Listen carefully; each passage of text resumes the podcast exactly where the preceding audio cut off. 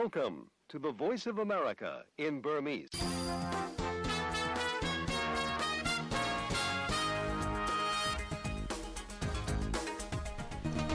မင်္ဂလာမနက်ခင်းပါခင်ဗျာ2024ခုနှစ် February 14ရက်ဗုဒ္ဓနေ့မနက်ပိုင်း6နာရီကနေ9နာရီအထိ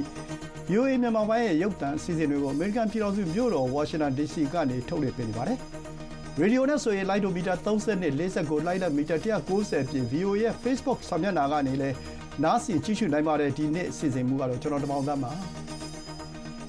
ဂါဇာမှာဒဇကန်တွေလွတ်မြောက်ပြီးတော့အပြစ်ခတ်ရစရေးအသစ်ရရှိနိုင်မှုအတွက် American, Israel, Qatar နဲ့ Egypt တာဝန်ရှိသူတွေ Cairo မြို့မှာညှိနှိုင်းကြိုးပမ်းနေကြပါတယ်။ Ukraine, Israel နဲ့ Taiwan တို့အတွက်နိုင်ငံတကာအကူအညီပေးရေးဥပဒေကြမ်းတရပ်အမြန်ဆုံးအတည်ပြုပေးဖို့သမ္မတအိမ်ဖြူတော်ကနေပြီးတော့ American လွှတ်တော်အမတ်တွေကိုတိုက်တွန်းနေပါတယ်။ရုရှားကိုစစ်လက်နက်နည်းပညာတွေအကူအညီပေးနေတယ်လို့ဆိုတဲ့တရုတ်အိန္ဒိယနဲ့တူရကီနိုင်ငံကလုပ်ငန်းတွေအတွက် ပို့ကုန်ပိတ်ပင်မှုနဲ့အရေးယူဖို့ဆိုပြီးတော့ EU မှာအဆိုပြုထားပါတယ်။အဲ့လိုထိတ်တရောက်သတင်းတွေပြီးရခိုင်ပြည်နယ်တိုက်ပွဲတွေကြောင့်အိုးအိမ်ဆုတ်ခွာစစ်ရှောင်နေကြရတာရခိုင်စကြင်လူမျိုးရေးလှုပ်ဆော်လာကြတာတွေစစ်မှုတန်းဥပဒေပြဋ္ဌာန်းလိုက်တာကြောင့်ထိုင်းမြန်မာနယ်စပ်ကိုလူငယ်တွေထွက်ပြေးလာကြတာတွေကိုလည်းဒီကနေ့ကြားကြရမှာပါ။အဲဒီဥပဒေနဲ့ပတ်သက်လို့စစ်ကောင်စီနဲ့အမျိုးသားညီညွတ်ရေးအစိုးရ NUG တို့ရဲ့သဘောထားအမြင်တွေကိုလည်းတင်ပြပါဦးမယ်။ဒါ့အပြင်ချစ်သူများနေ့ရဲ့ နေ့စီပန်းတွေအကြောင်းကိုလည်းကြားကြပါဦးမယ်။အပတ်စဉ်အစီအစဉ်မှာတော့မြေကြီးဩဇာယူကရိန်းနဲ့မြန်မာနိုင်ရှင်အခြေအနေအမေရိကန်နိုင်ငံရေးနဲ့ခီးသွွားအစီအစဉ်တွေကိုလည်းနားဆင်ရှုစားရမှာပါ။အခုတော့ထိတ်တန်းရောက်သတင်းတွေကိုဒေါက်ခင်မျိုးသက်ကတင်ပြပါဦးမယ်။ American, Israel, Qatar နဲ့ Egypt နိုင်ငံတွေကအရာရှိတွေဟာဂါဇာဒေသအပစ်ရပ်ရေးအတွက်သဘောတူညီမှုအသစ်ရရေးနဲ့ဟာမတ်စစ်သွေးကြွတွေဖမ်းထားတဲ့ဓားစာခံတွေထပ်လွတ်လာဖို့ကြိုးပမ်းမှုအတွက် အင်္ဂါနေ့မှာအီဂျစ်နိုင်ငံကိုင်ရိုမှာတွေ့ဆုံဆွေးနွေးကြပါတယ်။တချိန်တည်းမှာပဲပါလက်စတိုင်းသားတသန်းကျော်ခိုလုံနေတဲ့ရာဖာမှာတက်ဆွဲထားတဲ့ဟာမတ်စစ်သွေးကြွတန်ရင်၄ခုကိုဖယ်ရှားဖို့ရည်ရွယ်ပြီးထိုးစစ်ဆင်မှုပြင်နေတဲ့အစ္စရေးအစီအစဉ်ဆိုင်းငံ့ထားရေးအတွက်နိုင်ငံတကာခေါင်းဆောင်တွေကပန်ကြားနေပါတယ်တနင်္လာနေ့ကတော့ဟာမတ်စ်တွေဖမ်းထားတဲ့ဓားစာခံ၂ယောက်ကိုရာဖာကနေအစ္စရေးတပ်တွေကကယ်တင်လိုက်နိုင်ပေမယ့်ဒီလိုကယ်တင်တဲ့စစ်ဆင်ရေးအတွင်းပါလက်စတိုင်းသား၇၄ယောက်သေဆုံးရတာပါ။ ကုလအတွင်းရေးမှူးချုပ်အန်တိုနီယိုဂူတာရက်စ်ကတော့လူသားစာနာမှုအကူအညီအတွက်အဓိကလုပ်နေတဲ့ရာဖာမှာအခုလိုထိုးစစ်ဆင်မှုတွေမလုပ်ဘဲဓားစာခံတွေကယ်တင်နိုင်ရင်ညှိနှိုင်းနိုင်မယ်လို့မျှော်လင့်ကြောင်းပြောပါတယ်။ထိုးစစ်ဆင်မှုတွေကနေနေရပ်စွန့်ခွာထွက်ပြေးရတဲ့ပါလက်စတိုင်းသားတွေအတွက်လူသားစာနာမှုအကူအညီပေးနေတာတွေရပ်တန့်ကုန်ပြီးထိရောက်မှုမရှိဘဲဖြစ်စေတယ်လို့သတိပေးပါတယ်။အစ္စရေးဝန်ကြီးချုပ်ဘန်ဂျမင်နေတန်ယာဟုကတော့ရာဖာမှာခိုလှုံနေတဲ့ပါလက်စတိုင်းတွေအတွက်အီဂျစ်နယ်စပ်နားကိုထွက်သွားဖို့လမ်းကြောင်းဖွင့်ပေးမှာဖြစ်ကြောင်းပြောပါတယ်။ Republican တွေကြီးစိုးတဲ့အောက်လွှတ်တော်ကကန့်ကွက်နေတဲ့ကြားကပဲအမေရိကန်ရဲ့ယူကရိန်း၊အစ္စရေးနဲ့ထိုင်ဝမ်အပါအဝင်နိုင်ငံရပ်ခြားအထောက်အကူပေးမယ့်ရန်ပုံငွေဒေါ်လာ၉၅ဘီလီယံချထားရေးကိုအမြန်အတည်ပြုပေးကြဖို့သမ္မတအိမ်ဖြူကအင်္ဂါနေ့မှာလွှတ်တော်အမတ်တွေကိုပန်ကြားလိုက်ပါတယ်ဒီရန်ပုံငွေချထားရေးမအောင်မြင်အမေရိကန်ရဲ့မဟာမိတ်တွေနဲ့မိတ်ဆွေတွေတင်မကဘဲပြိုင်ဘက်တွေကပါအမေရိကန်ကိုအားကိုးလောက်သူဖြစ်ရော ကမ္ဘာမှာဦးဆောင်သူအဖြစ်ပါမြင်ကြတော့မှာမဟုတ်ဘူးလို့နိုင်ငံတော်လုံခြုံရေးအကြံပေးဂျွန်ကာဘီကသတင်းတောက်တွေကိုပြောပါတယ်။အင်္ဂါနေ့မနေ့အစောပိုင်းမှာဒီမိုကရက်တွေကြီးစိုးတဲ့အထက်လွှတ်တော်က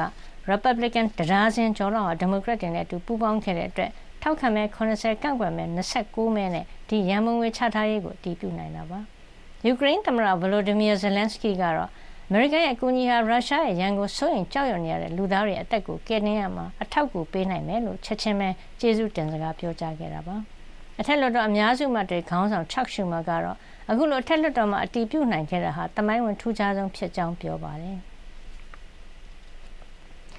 တူရကီနိုင်ငံကတောင်ထူထပ်တဲ့အာဆင်ဂန်ပြည်နယ်ကကော့ပလာရွှေတပ်တုတူးဖော်ရေးလုပ်ငန်းမှာဒေသစံတော်ချိန်ညနေ2နာရီခွဲလောက်မှာမြေပြိုပြီးအခုချိန်ထိတော့ ရွှေတူးလုပ်သား9ဦးပိတ်မိနေတယ်လို့သတင်းတွေမှာဖော်ပြပါတယ်။တူရကီပြည်ထောင်ရေးဝန်ကြီးအလီလီကာယာကတော့ရွှေရင်းလုပ်သားတချို့ပျောက်ဆုံးနေကြောင်းအတည်ပြုပြီးတော့လူဝင်အား400လောက်တုံးပြီးရှာဖွေကယ်ဆယ်ကူညီရေးတွေလှုပ်ဆောင်နေပြီလို့ပြောပါတယ်။ဒါ2009ခုနှစ်ကတည်းကလုပ်ငန်းစတင်ခဲ့တဲ့အလုပ်သမား900လောက်ရှိတဲ့အနာဂိုပုဂ္ဂလိကတပ်တုတူးဖော်ရေးကုမ္ပဏီရဲ့လုပ်ကွက်မှာဖြစ်ပါတယ်။အနာဂိုကုမ္ပဏီကတော့ဒီမတော်တဆဖြစ်ဖြစ်ကြောင်း တိတိချင်းဒေသရင်းအလုပ်သမားတွေကိုဆက်သွယ်ပြီးအရေးပေါ်အစီအစဉ်တွေအတိုင်းလှုပ်ဆောင်နေတယ်လို့တပ်ဆိုင်ရာဖွဲ့စည်းတွေကိုလည်းအကြောင်းကြားဆက်သွယ်ဆောင်ရွက်နေတယ်လို့ပြောပါတယ်။ဒီတောင်ကြားဒေသရင်းမြေပြိုမှုဟာပတ်ဝန်းကျင်တပ်တုတွင်းကိုပါရိုက်ခတ်နေပါတယ်။ဘူမိပညာရှင်ဆူလီမန်ပန်ပယ်ကတော့အခုမြေပြိုခဲ့တဲ့မြေသားတွေဟာရွှေတူးဖော်မှုလုပ်ငန်းအတွက်တန့်စင်တဲ့မြေတွေဖြစ်ပြီးရွှေကိုတန့်စင်ထုတ်ရမှာတုံးတဲ့ဆန်နဲ့ပါနိုင်တယ်လို့ပြောပါတယ်။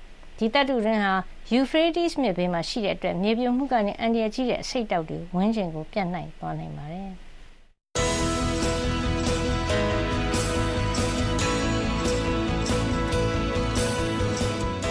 VOA American အတန်းမနေ့ဖက်မြန်မာဘာသာအစီအစဉ်တွေကိုမနေ့6နာရီကနေ9နာရီထိလိုင်းဒိုမီတာ32 kHz 9335နဲ့9383ညလိုင်းဒိုမီတာ49 kHz 6153ည ပထမနာရီဝက်မှာလိုင်းလံမီတာ190 kHz 1505တို့ကနေပြီးတော့ထုတ်လွှင့်ပေးနေပါတယ်ခင်ဗျာ VOA American တန်ကဗုဒ္ဓဟူးမနက်ခင်းသတင်းတွေကိုဆက်လက်ကြီးညာနေပါတယ်။ယူကရိန်းကိုကျူးကျော်တိုက်ခိုက်နေတဲ့ရုရှားကိုစစ်ရေးနည်းပညာအထောက်အကူပေးနေတယ်လို့ဆွဆွဲပြီး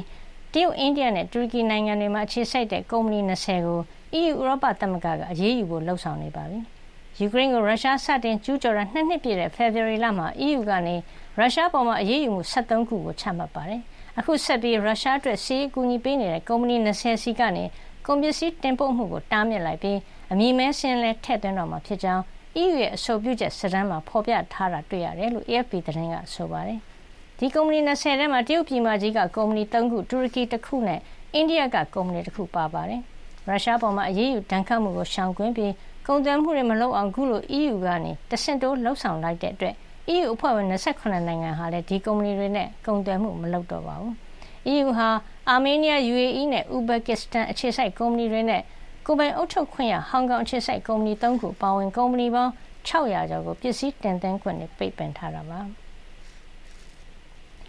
အိန္ဒိယဝန်ကြီးချုပ်နရိန်ဒရာမိုဒီဟာအရှေ့အလယ်ပိုင်းဒေသမှာအကြီးဆုံးဟိန္ဒူဘုရားကျောင်းဖွင့်ပွဲကိုကျင်းပဖို့နဲ့ ကုန်သွယ်မှုတွေ၊ရင်းနှီးမြှုပ်နှံမှုတွေတိုးမြှင့်ဖို့အင်္ဂါနေ့မှာ UAE အာရပ်စော်ဘွားများပြည်ထောင်စုခရီးစဉ်ကိုစတင်လိုက်ပါတယ်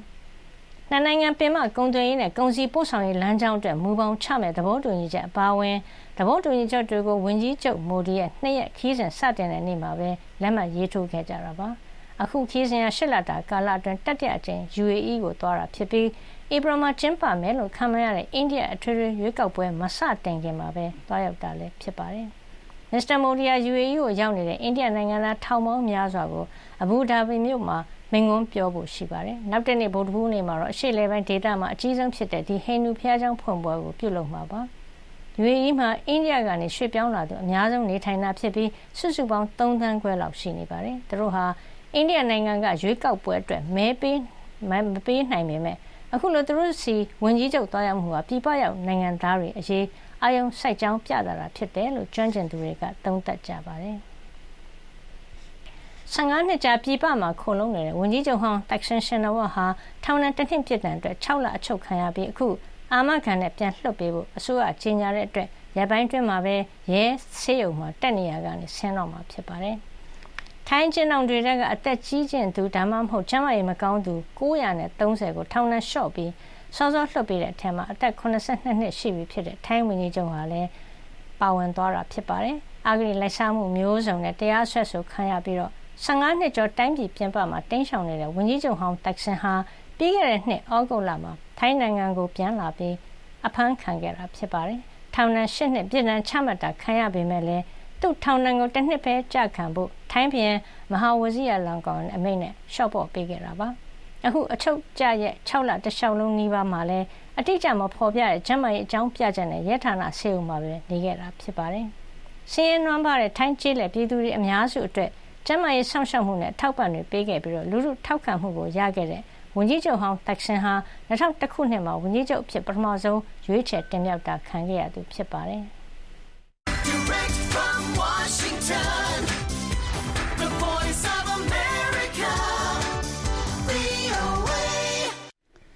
နောက်ဆုံးသတင်းတွေကိုဒေါက်ခင်မျိုးသက်ကြီးညာပေးခဲ့တာပါ။အခုဆက်လက်ပြီးသတင်းဆောင်းပါးတွေကိုတင်ဆက်ပါတော့မယ်။စစ်ကောင်စီနဲ့ရခိုင့်တပ်မတော် AA ကြားတိုက်ပွဲပြင်းထန်နေတဲ့အတွက်နေရပ်စွန့်ခွာထွက်လာသူတွေများလာနေပါတယ်။ရခိုင်ပြည်နယ်ကနေလေကြောင်းခရီးနဲ့တနေ့ကိုလူဦးရေ၃၀၀နီးပါးပြည်မဘက်ကိုထွက်ခွာနေကြတယ်လို့လေယာဉ်လက်မှတ်အရောင်းဌာနအမျိုးသမီးတဦးကပြောပါတယ်။ဘာကြောင့်ရခိုင်ဒေသခံတွေပြည်မဘက်ကိုထွက်လာရပါသလဲ။ရန်ကုန်ကလာတဲ့သတင်းအပြည့်အစုံကိုကိုသားညွန့်ဦးပြောပြပါမယ်။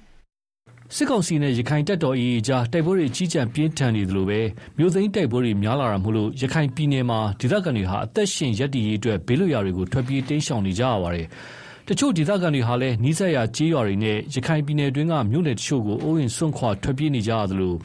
တောတောင်တွေထဲမှာတဲထိုးပြီး နေထိုင်နေကြသူတွေလည်းရှိပါတယ်။တချို့ ရခိုင်ဒေသခံတွေကတော့ ရန်ကုန်လိုမျိုးနေရာမျိုးကို ရွှေ့ပြောင်းလာကြတာမျိုးလည်းရှိပါတယ်။ ပြီးခဲ့တဲ့လတွေကနေစပြီးရခိုင်ပြည်နယ်ကနေ ပြည်မဘက်ကို ထွက်ပြေးသူ တနေ့ကို ၃၀၀ ဝန်းကျင်အထိ ရှိနေတယ်လို့ လေယာဉ်လက်မှတ်ရောင်းဌာနက အမျိုးသမီးတဦးက ပြောပါတယ်။လက်မှတ်တွေကလေးလပိုင်းအထိရောက်ရှိနေပြီ။ဒီလထဲမှာ အရေးကြီးတဲ့သူတွေရှိတယ်ဆိုရင် Shutter Flight စီးလုံးငှားလေးတွေငှားတာတောင်မှ ၂ ရက်လောက်ဆိုရင်ခုံကအကုန်လုံးပြည့်သွားပြီ။အဲလိုမျိုးတွေကဖြစ်နေတယ်။အရင်ကတော့ အဲလိုမျိုး ဒေသခံတွေ ကိုယ့်ဘာကိုငှားပြီးတော့ သွားတာလေးတွေရှိတယ်။အခုကကျတော့အဲလိုဒေသခံတွေကလည်း ပြောမယ်ဆိုရင်မနိုင်တဲ့အခါမျိုးတွေကျတော့ညီမလေးတို့အေးဂျင့်ဘက်တွေကစည်လုံးငှားလေးတွေစီစဉ်ပေးတာတွေရှိတယ်။အဲလိုမျိုးပါ။”ဒါ့အပြင်ပြည်ပဘက်ကိုထွက်ခွာမယ့်လေယာဉ်လက်မှတ်တွေဟာလည်းဈေးနှုန်းမြင့်မားနေပေမယ့်လာမယ့်ဧပြီလအထိလက်မှတ်တွေကုန်နေပြီလို့အဲဒီအမျိုးသမီးကပြောပြပါတယ်။“အခုကကျတော့လေကြောင်းလိုင်းမှာသတ်မှတ်ထားတဲ့ဈေးနှုန်းလေးတွေကကျတော့ကမ္ဘောဇဆိုရင်ကျတော့၃သိန်း၈သောင်းကနေစတယ်။ပြီးလို့ရှိရင်သူက Business Class VIP ခုံဆိုရင်ကျတော့၄သိန်း၄သောင်းရှိပါမယ်။ မြန်မာ National Airlines ကကျတော့ ၃ သိန်း ၈ သောင်း ၅ ထောင်ရှိပါတယ်။ပြီးလို့ရှိရင် မဲရတနာပုံကကျတော့ ၃ သိန်း ၅ သောင်း ၂ ထောင်၊၃ သိန်း ၈ သောင်း ၂ ထောင် အဲလိုမျိုးပေါ့နော်။အခုလောလောဆယ်မှာဆိုလို့ရှိရင်ကျတော့ မြန်မာ National Airlines နဲ့ဆိုလို့ရှိရင် ဧပြီလ ၂၄ ရက်နေ့ကို စပြီးတော့ရမယ်။ကမ္ဘောဇကကျတော့ ဧပြီ တလလုံးထဲမှာခုံက အကုန်လုံးပြီးသွားပါပြီ။မဲရတနာပုံကလည်း ၅ လပိုင်းမှာ စပြီးတော့ရပါပြီရှင့်။ လေယာဉ်ဈေးနှုန်းတွေမြင့်မားနေတာဟာရခိုင်ပြည်နယ်ကနေထွက်ခွာသူတွေများပြားပြီးရခိုင်ပြည်နယ်ကိုပြန်မယ့်ခရီးသည်တွေမရှိတာမို့ဈေးနှုန်းတွေတိုးမြှင့်သတ်မှတ်ထားရတာဖြစ်တယ်လို့လည်းသူကပြောပါတယ်။တိုက်ပွဲတွေဖြစ်နေတဲ့ရခိုင်မှာကုန်းလမ်း၊ရေလမ်းဆက်သွယ်ရေးနဲ့ကုန်စည်စီးဆင်းမှုအားလုံးကိုစစ်ကောင်စီကပိတ်ပင်ထားပါတယ်။ ပြည်မနဲ့ ရခိုင်ကို ပြေးဆွဲနေတဲ့ လေကြောင်းလိုင်းတခုသာ ခွင့်ပြုထားပြီး သံတွဲ၊ကျောက်ဖြူ၊အမ်းနဲ့ စစ်တွေ အစရှိတဲ့ မြို့နယ်တွေလောက်ကပဲ လေကြောင်းနဲ့ ပြည်မကို ထွက်ခွာခွင့်ရနေတာပါ။စစ်တွေ-ရန်ကုန်ကတော့ နေ့စဉ်ပုံမှန်ပြေးဆွဲနေပြီး တခြား ကျောက်ဖြူ၊သံတွဲနဲ့ အမ်းမြို့နယ်တွေကိုတော့ ပုံမှန်ပြေးဆွဲတာမရှိပါဘူး။ရခိုင်ပြည်နယ် ကျောက်ဖြူမြို့နယ်ကနေ ရန်ကုန်မြို့ကို ထွက်လာတဲ့ လူငယ်တဦးကတော့ သူထွက်လာရတာနဲ့ ပတ်သက်ပြီးအခုလို ပြောပြပါတယ်။“ကုန်းလမ်းရော ရေလမ်းရော အကုန်လုံးဖြတ်လိုက်တယ်။ပြီးရင် ဆက်သွယ်ရေးကအစ ဖြတ်လိုက်တဲ့အခါကျတော့ စစ်ဆိုတာကလည်းဘယ်အချိန်ထိဖြစ်နေမလဲဆိုတာကိုယ်လည်းမမှန်းတတ်ဘူးလေ။အဲဒီအခါကျတော့အဲဒီဘက်မှာပိတ်မိသွားမှာကြောက်တယ်။ပိတ်မိသွားမှာကြောက်တော့ပိတ်မိသွားတဲ့အခါကျရင်ကိုယ်လုပ်စရာရှိတဲ့အခွင့်အလမ်းတွေအကုန်လုံးကလုပ်လို့မရဘဲနဲ့အသက်ကြီးသွားမယ်အဲလိုမျိုးဖြစ်မှာကြောက်လို့ညီမကပိတ်မိမှာကြောက်လို့လာခဲ့တာပေါ့နော်။ဟုတ်ကဲ့ စစ်ကောင်စီအနေနဲ့ အခုလို တိုက်ပွဲပြင်းထန်နေတဲ့ကာလမှာ ဒေသခံတွေရဲ့ ခရီးသွားလာခွင့်နဲ့ ကုန်စည်စီးဆင်းမှုတွေကို ပိတ်ပင်ထားတာကြောင့် ရခိုင်ပြည်နယ်မှာရှိနေတဲ့ ဒေသခံတွေ နေ့စဉ်စားဝတ်နေရေးတွေအတော်လေး ခက်ခဲနေတယ်လို့လည်း သူက ပြောပါတယ် ညီမတို့ပေါ့နော်စစ်ဖြစ်နေတဲ့အချိန်မှာအကုန်လုံးလမ်းတွေပိတ်ပြီးတော့စားတောက်ကုန်လေကောဟွာခက်ခဲတယ်အဲဈေးတွေမတန်တဆကြီးတယ်ပေါ့နော်လူဒန်းစားအစီခံလူဒန်းစားတွေဆိုလို့ရှိရင်ဒီနေ့စားဖို့ဒီနေ့ယုံနေရတဲ့လူတွေဆိုရင်တော်တော်ဒုက္ခရောက်တယ်အဲ့လိုဟာမျိုးတွေလည်းရှိတော့ညီမအနေနဲ့ညီနာကြတော့ဒါကဟွာပေါ့နော်ဟို စစ်အစိုးရကညီမတို့ဒီပြည်သူရခိုင်ပြည်သူတွေကိုပေါ့နော်သူတို့နီးသူတို့ဟန်နဲ့တနည်းနည်းနဲ့ဒါနှိပ်စက်နေတာပေါ့နော်ညှဉ်းပန်းနေတာလို့ပဲညီမအမြင်နဲ့ရှင်းဟုတ်ဒါအပြင်ရခိုင်ပြည်နယ်ကတိုက်ပွဲတွေကြောင့်ပြည်မဘက်ကိုနေရဆွန့်ခွာလာတဲ့ဒေသခံတွေအနေနဲ့လက်တလောပြည်မဘက်တွေမှာလည်းရခိုင်မုန်းတီးရေးဝါဒဖြန့်မှုတွေရှိနေတာကြောင့်စိုးရိမ်နေကြရတယ်လို့လည်းရွှေ့ပြောင်းလာသူတွေကပြောကြပါတယ်။ ရခိုင်ပြည်နယ်က မြို့နယ်အတော်များများမှာ ဒီကနေ့တိုင်အောင် တိုက်ပွဲတွေ ပြင်းထန်နေသလို စစ်ကောင်စီရဲ့ လေကြောင်းတိုက်ခိုက်မှုတွေကြောင့်လည်းရတာထိခိုက်သေဆုံး ဒဏ်ရာရမှုတွေလည်း ရှိနေပါတယ်။မြို့ထဲမှာ မီးလောင်မှုတွေလည်း ရှိနေပါတယ်။ရခိုင်တပ်တော် AA ဘက်ကတော့ ရခိုင်ပြည်နယ်မှာ လက်နက်မချဘဲကြံနေသေးတဲ့ စစ်ကောင်စီတပ်စခန်းအားလုံးကို တိုက်ထုတ်သွားမယ်ဆိုပြီးထုတ်ပြန်ချက်တွေမှာ ဖော်ပြထားတာတွေ့ရပါတယ်ခင်ဗျာ။ကျွန်တော် သားညူပါ။ကိုသားညူတင်ပြခဲ့တဲ့ ရခိုင်အခြေအနေပါ။ရခိုင်တိုက်ပွဲရဲ့ရက်ကို ဆက်လက်တင်ပြပါဦးမယ်။ ရန်ကုန်နဲ့ မန္တလေးလို မြို့ကြီးတွေက အများပြည်သူပိုင် နေရာတွေမှာ ရခိုင်မုန်းတီးရေး လူမျိုးရေး ပဋိပက္ခ လှုံ့ဆော်စာတွေ တွေ့လာရပါတယ်။အခုလို ပြည်သူအချင်းချင်းကြားမှာ ပဋိပက္ခဖြစ်အောင် ဖန်တီးနေတဲ့အပေါ် ဘယ်လို သဘောထားအမြင်တွေ ရှိနေကြပါသလဲ။ရန်ကုန်ကပေးပို့ထားတဲ့သတင်းကိုနတ်နောင်ပြောပြပါပါ။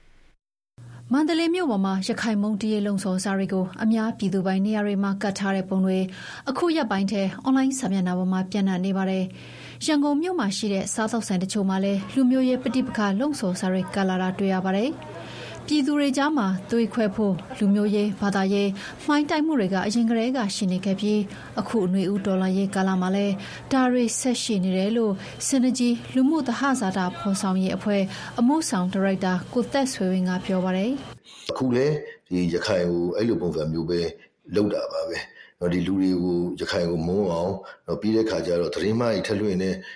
အချင်းချင်းကိုရန်တိုက်ဖို့လုပ်တဲ့ဟာမျိုးတွေလူတွေကြားထဲမှာအဲ့လိုဝါဒပြန်မှိုင်းတိုက်တဲ့ဟာလုပ်တယ်။နော်ဒီဖစ်ပွဲမှာဖစ်တိုက်လို့မနိုင်ဘူးဆိုလို့ရှိရင်ပြည်သူတွေကိုဖိနှိပ်ပြတယ်ပြည်သူတွေကိုတပ်ဖြတ်ပြတယ်။ဒါတိုင်းသားဒေသတွေမှာလည်းအများကြီးဖြစ်ပြီးသွားပြီ။နော်တိုင်းသားဒေသတွေမှာဖစ်ရှုံးနေရှုံးပြီဆိုတာနဲ့ဒီရွာတွေဝင်ပြီးမီးရှို့တယ်ဖြတ်ဖီးတယ်ဆိုတဲ့ဟာမျိုးပဲ။ဒီလိုအမုန်းမျိုးတွေဖြစ်လာအောင်လို့ဟိုဟာလူတွေကြားထဲမှာသူတို့က finish ရောက်တွေးထူဖို့အတွက်အဲလုပ်နေတဲ့ဟာတွေအဲဒါပေမဲ့ဒီနယူးတော်လိုင်းကာလမှာတော့ကျွန်တော်တို့လိလာမိသလောက်ကဒီဘာသာရေးလူမျိုးရေးတွေးထူလှုံ့ဆော်မှုတွေကအဲတော်တော်ကိုအလုပ်ဖြစ်တဲ့အနေအထားမှာမြင်ရတယ် ဒီကျွန်တော်တို့ပြည်သူတွေကြားထဲမှာလည်းဒါတွေကဒီဗမာ fit တက် perfect fit တက်ကနေပြီးတော့ရှုံးမာတာဒီလူတွေကြားထဲမှာမှိုင်းကြိုက်တာဖူတာကိုလည်းရှင်းရှင်းမြင်ပြီးသားပြီးတော့ဒီ perfect တွေ fit ရှုံးနေတဲ့ဟာပေါ်မှာလည်းလူတွေကဝမ်းသာနေကြပြီးသားအဲ့တော့သူတို့ဘလို့ပဲဒီအမုန်းတရားတွေလုပ်လို့အဲဒီပြည်သူအများစုကတော့ပါဖို့မရှိဘူး အများပြည်သူကြားပြန့်နှံ့နေတဲ့စာရိမှာ မြို့နယ်လူထုကို ကိုစားပြုဖော်ပြထားပေမဲ့ဒေသခံတွေကိုယ်တိုင်က ဒီလိုစာရိကိုဘသူဘဝလိုက်လံကတ်ထားတယ်ဆိုတာ မသိကြပါဘူး အခုလို ရခိုင်မုံတရေလုံစော်စာရိကိုကတ်ထားတယ်ဆိုပေမဲ့ပြည်သူအချင်းချင်းကြားမှာတော့ ဆက်ဆံရေး ပုံမှန်ဖြစ်သားနေတယ်လို့ ရန်ကုန်မြို့မှာနေထိုင်တဲ့ ရခိုင်အမျိုးသားတို့ကပြောပါတယ် ဒါတော့ဟိုပြည်ရတဲ့ဘောလေဒီမြန်မာနိုင်ငံမှာဆက်ဆက်ဆက် ကလည်းဒီလူတွေကိုရှင်းရှင်းတွေးခွဲပြီးအုပ်ချုပ်တာရှိတယ်ဆိုတော့ အာဒီကစစ်တပ်ကပဲဒီဒီလိုဟာလည်းဒီလိုပုံပေါ်တဲ့ဟာမျိုးပေါ့ဒါမျိုးကိုပြီးတတိချမိတယ်ပေါ့ပြည်သူချင်းကြမှာတော့အဖေးမပါပဲဘူးဘူးတော့ကျွန်တော်တို့လည်းဒီမှာဒီရက်ွက်ထဲမှာနေတဲ့အချိန်မှာလည်း HB ပါပဲဘာပြီးတော့ဟန်မီကျော်အခုကာလမှာလူတွေကဒီဖိနေခံနေရတဲ့ကာလပေါ့လေဒီချင်းတဲ့တဲ့နေတဲ့ကာလမှာတော့ဟိုချင်းချင်းရန်ရန်စုမှုကိစ္စကိုထားပါအောင်ဒီနေ့တွေရောက်တော့နေကဟိုတော့ပြည်လျောင်းနိုင်ကျူလာနေကြတဲ့အချိန်ပေါ့အဲဆိုတော့ဒီလိုလူတွေကြားမှာမုန်းပြားတွေကိုထည့်ပြီးတော့ ဒီရန်တိုက်ပြီးရဆိုတဲ့ပုံမျိုးပြောရလို့ရှိရင်ဒီခုကလည်းမလို့ရန်ကုန်မြို့မှာခိုင်လူရတော်တော်များများလာတယ်ပေါ့လေဒီလိုဒီခိုင်စပွဲကာလာမှာဒီလိုဆက်ချောင်းလာရတဲ့ဒီရှိရဆိုတော့အဲကြောင့်လည်းဖြစ်ပါလိမ့်မယ်ရခိုင်ပြည်နယ်မြောက်ပိုင်းကတိုက်ပွဲတွေကြောင့်တချို့ဒေသခံတွေရန်ကုန်မြို့ကိုအခုရက်ပိုင်းနဲ့ပြောင်းရွှေ့နေထိုင်တာတွေရှိလာနေတာပါလူမျိုးရေးမုံတင်မှုဝါဒဖြန့်နေတဲ့အပေါ်ပြည်သူတွေသတိရှိကြဖို့ကိုလည်းကိုသက်ဆွေဝင်းကတိုက်တွန်းထားပါတယ် အများစုသောပြည်သူကိုတော့ကျွန်တော်ဖိတ်မပူသို့သောလူနည်းစုဖြစ်ကြတဲ့ဒီအစွန်းရောက်တွေဖစ်တဲ့လက်ကင်ထုတ်တွေဒီကောင်တွေကနေပြီးတော့ဒီပြည်သူတွေကြားထဲမှာလုံမဲ့မှွေမဲ့အဲပြဿနာတွေကိုတော့ကျွန်တော်တို့တတိကြီးကြီးထားပြီးတော့ကင်တွယ်နိုင်ဖို့လိုလိမ့်မယ်ပြည်သူတွေအနေနဲ့လည်းဒီလိုဟာမျိုးတွေမှာဟိုမယုံကြဘဲနဲ့ဒီတတိကြီးကြီးနဲ့သွားဖို့လိုလိမ့်မယ်ပြီးတော့ကျွန်တော်တို့ရဲ့ဒီအနာဂတ်ညှော်မှန်းထားတဲ့ပြည်တော်စုဆိုတာတော့လူမျိုးတွေအားလုံး တန်းတူရည်တူသွားရမယ်ဘာသာတရားတွေအားလုံးတစ်ခုနဲ့တစ်ခုနဲ့ခွဲခြားဆက်ဆက်မှုမရှိဘဲနဲ့ဖီဖီလုံးရှိရမယ်လူမျိုးတွေတရားထဲမှာလည်းကျွန်တော်တို့ဒီခွဲခြားဆက်ဆက်မှုတွေကျင်းရမယ်ပြီးတော့တန်းတူရည်တူရှိတဲ့ကိုယ်ပိုင်ပြဋ္ဌာန်းခွင့်ရှိတဲ့ Federal နိုင်ငံတစ်ခုထူထောင်ဖို့အတွက်ရှိရတဲ့အတွက်ကြောင့်မို့လို့ဒီဒီဟာကိုလည်းကျွန်တော်ပြည်သူတွေကြားထဲမှာနားလေလက်ခံပြီးတော့ ရှိရမယ်။ရခိုင်ပြည်နယ်ကြောက်တော်မြို့နယ်မှာအေအေရခိုင်တပ်တော်ကပြစ်ခတ်တက်ခိုက်လိုက်တဲ့စစ်ကောင်စီတင်မောနှိမ့်မြုပ်သွားပြီးတော့အဲ့ဒီအထဲမှာကလင်းငယ်တွေအပါအဝင်စစ်တပ်မိသားစုဝင်တွေရာနဲ့ချီပါဝင်နေဆိုတဲ့သတင်းတွေထွက်ပေါ်ခဲ့တာပါ။အဲ့ဒီနောက်ဆက်တွဲရန်ကုန်နဲ့မန္တလေးမြို့မှာရခိုင်မုံဒီရေလူမျိုးရေးပဋိပက္ခလုံဆော်စာတွေကိုလိုက်လံကတ်ထားတာတွေ့ရပါတယ်။ ရခိုင်ပြည်နယ်မြောက်ပိုင်း မင်းပြား မြောက်ဦးကြောက်တော် တောင်ပြိုလက်ဝဲနဲ့ ပေါက်တော်မြို့ကိုအေအေတို့ သိမ်းပိုက်ထိန်းချုပ်ထားနိုင်ပြီး တချို့နေရာတွေမှာလည်း တိုက်ပွဲအခြေအနေကြောင့် နယ်မြေမတည်ငြိမ်တဲ့အတွက် ဒေသခံတွေ ထွက်ပြေးတိမ်းရှောင်နေကြရပါတယ်။လူမျိုးရေးလှုပ်ဆောင်မှုအကြောင်း ဖြစ်ပါတယ်။စစ်ကောင်စီ အသက်သွင်းလိုက်တဲ့ ပြည်သူစစ်မှုတန်းဥပဒေဟာ တရားဝင်မှုမရှိတဲ့အတွက် ပြည်သူတွေ လိုက်နာဖို့ မလိုတဲ့အကြောင်း NUG အစိုးရက မနေ့က ထုတ်ပြန်ကြေညာလိုက်တာကို တွေ့ရပါတယ်။တစ်ချိန်တည်းမှာပဲ စစ်ကောင်စီကတော့ ဒီဥပဒေနဲ့ အကျုံးဝင်နေတဲ့ မြန်မာလူငယ် အမျိုးသား အမျိုးသမီး အရေအတွက်73သန်းနီးပါး ရှိနေတဲ့အကြောင်းနဲ့ လူငယ်ပညာတတ်တွေကိုလည်း နိုင်ငံတော်ကာကွယ်ရေးအတွက် အလေးပေး စုဆောင်းသွားမယ့်အကြောင်း ကြေညာလိုက်ပါတယ်။ဆက်သွယ်မေးမြန်းထားတဲ့ မအင်ဂျင်နိုင်က အပြည့်စုံပြောပြအောင်ပါ မြန်မာနိုင်ငံမှာ ပြည်သူ့စစ်မှုထမ်းဥပဒေကို ဖေဖော်ဝါရီလ ၁၀ ရက်နေ့ကနေ စတင်အာဏာတည်စေရမယ်လို့ ကြေညာခဲ့တာနဲ့ပတ်သက်လို့ စစ်ကောင်စီက အသေးစိတ်ရှင်းလင်းရာမှာ ပြောခွင့်ရ ဗိုလ်ချုပ်ဇော်မင်းထွန်းက ဒီဥပဒေနဲ့ အကျုံးဝင်နေတဲ့ လူငယ်အရေအတွက် မြန်မာနိုင်ငံမှာ ၁၃ သန်းနီးပါး ရှိနေတယ်လို့ မနေ့က ဗွီဒီယိုနဲ့ ထုတ်ပြန်ချက်မှာ အခုလို ပြောသွားပါတယ်။“ကျနော်တို့နိုင်ငံရဲ့ ၂၀၁၉ ခုနှစ် ကြားဖြတ် သန်းခေါင်စာရင်းအရခုပြဌာန်းလိုက်တဲ့ ပြည်သူ့စစ်မှုထမ်းဥပဒေမှာအကျုံးဝင်မဲ့အကျုံးဝင်နိုင်တဲ့လူဦးရေအကျုံးဝင်နိုင်တဲ့လူဦးရေဆိုတာကကျွန်တော်တို့ဒါအမျိုးသား6.3သန်းအမျိုးသမီး9.8သန်းစုစုပေါင်း73သန်းနီးပါးရှိပါတယ်အဲ့တော့အဲ့73သန်းလုံးကိုကျွန်တော်တို့ကတရားရင်နဲ့ထဲစစ်မှုထမ်းဆောင်ခြင်းပါလားမဟုတ်ပါဘူးအကျုံးဝင်တာပဲရှိပါတယ် ကျွန်တော်တို့အနေနဲ့ဒီစစ်မှုထမ်းဆောင်နေတယ်ဆိုတဲ့အထဲမှာဒီစစ်မှုထမ်းဆောင်တဲ့အထဲမှာနိုင်ငံတော်ကာကွယ်ရေးတာဝန်ထမ်းဆောင်နိုင်တဲ့သူ့ရဲ့ဒီပြည်သူ့စစ်မှုထမ်းဥပဒေမှာပါပြီးသားဖြစ်ပါတယ်သူ့ရဲ့အဆင့်အလိုက်သူ့ရဲ့အဆင့်အလိုက်စစ်တီတွေနဲ့တူညီတဲ့အခွင့်အရေးစစ်တီတွေနဲ့တူညီတဲ့လေ့ကျင့်ရေးဆောင်ရွက်ပေးရတာဖြစ်ပါတယ်ဒါ့အပြင်နိုင်ငံတော်ကာကွယ်ရေးနဲ့ပတ်သက်လာရင်လူငယ်ပညာတတ်တွေကိုစုဆောင်းသွားမဲ့နည်းလမ်းကိုလည်းဗိုလ်ချုပ်ဇော်မင်းထွန်းကအခုလိုပြောပါတယ်။ကွန်ပျူတာ IT ပညာကျွမ်းကျင်တဲ့သူတွေကလည်း cyber မိမိနိုင်ငံကို cyber တိုက်ခိုက်မှုတွေကာကွယ်ရမယ့်တာဝန်တွေရှိတယ်။စီးပွားရေးကကျွမ်းကျင်တဲ့သူတွေကလည်းမိမိနိုင်ငံကိုစီးပွားရေးကထိုးနှက်လာမယ့်ဟာတွေကိုဒါမိမိနိုင်ငံဘက်ကမိမိအကျိုးကိုကာကွယ်နိုင်ဖို့အတွက်ဆောင်ရွက်ရမယ့်လုပ်ငန်းတွေရှိတယ်။ဒါကြောင့်မလို့ဒီပြည်သူစစ်မှုထမ်းစနစ်ကိုဆောင်ရွက်တဲ့အခါမှာလည်းကျွန်တော်တို့အနေနဲ့မိမိရဲ့သက်ဆိုင်တဲ့ကျွမ်းကျင်တဲ့ပညာရပ်တွေလိုက်နိုင်ငံတော်ကာကွယ်ရေးတာဝန်မှာ ထမ်းဆောင်နိုင်ဖို့အခြေခံစစ်ပညာသင်ကြားပြီးဒီတာဝန်တွေကိုဆက်လက်ထမ်းဆောင်နိုင်ဖို့အတွက်ဒါဆောင်ရွက်သွားမှာဖြစ်ပါတယ် အခုလို ပြည်သူ့စစ်မှုထမ်းဥပဒေကို ဖေဖော်ဝါရီလ ၁၀ ရက်နေ့မှာ အာဏာတည်စေရမယ်လို့ ကြေညာထားတဲ့ စစ်ကောင်စီရဲ့ လုပ်ရပ်ကိုကြည့်ရင် နိုင်ငံတော်အာဏာကို ဥပဒေမဲ့ အကြမ်းဖက်သိမ်းယူထားတဲ့ စစ်တပ်ရဲ့ ပြဋ္ဌာန်းသတ်မှတ်ချက်တွေဟာ တရားဝင်မှု လုံးဝမရှိတဲ့အတွက် လိုက်နာဖို့မလိုကြောင်း NUG အမျိုးသားညီညွတ်ရေးအစိုးရက မနေ့က ကြေညာချက် ထုတ်ပြန်ပါတယ်။ဘယ်လိုပုံစံမျိုးနဲ့ လိုက်နာဖို့ မလိုဘူးလဲဆိုတာကိုတော့ NUG သမ္မတရုံး ပြောခွင့်ရ ဦးကျော်စောက VOA ကို ခုလိုပြောပါတယ်။တရားဥပဒေမဟုတ်တဲ့အတွက်ကြောင့်အာဏာဖိဖိဆောင်ဖို့လိုအပ်ပါတယ်။ဆိုတော့ဤမျိုးစုံနဲ့ပြည်သူလူထုလည်းသိပါတယ်။ကျွန်တော်တို့ဒီအတန်တေးတပိတ်လုပ်ခဲ့တယ်။ဒီလမ်းပေါ်ထွက်ဆိုလည်းဟိုညီညီညွတ်ထွက်ခဲ့ကြတယ်။အဲ့တော့ဒီဒီမှာဒီဟာကိုကျွန်တော်တို့အနေနဲ့ပြည်သူလူထုအနေနဲ့ဟာအာဏာမတရားတဲ့အာဏာဖိစံနဲ့စန့်ကျင်မှုပြုလုပ်လို့ရတယ်။ကျွန်တော် NUG အစိုးရမျိုးသားညီညွတ်ရေးအစိုးရနဲ့မဟာမိတ်တော်လှန်ရေးဖွဲ့စည်းတွေအားလည်း ဒီလူငယ်တွေကိုကျွန်တော်ကကူညီဖို့ကာဝယ်ပေးဖို့အာသူတို့တွေရသူတို့ရဲ့လိုအပ်ချက်တွေကိုကျွန်တော်ဖြည့်ဆည်းဖို့လည်းကျွန်တော်တွေစူးစမ်းဆောင်ရွက်ဖို့အစဉ်အရှိတယ်ဆိုတာလည်းပြောကြားချင်ပါတယ်ခင်ဗျာစစ်ကောင်စီကစစ်မှုမထမ်းမနေရဥပဒေကိုအတင်းအကျပ်အသက်သွင်းတဲ့နေရာမှာ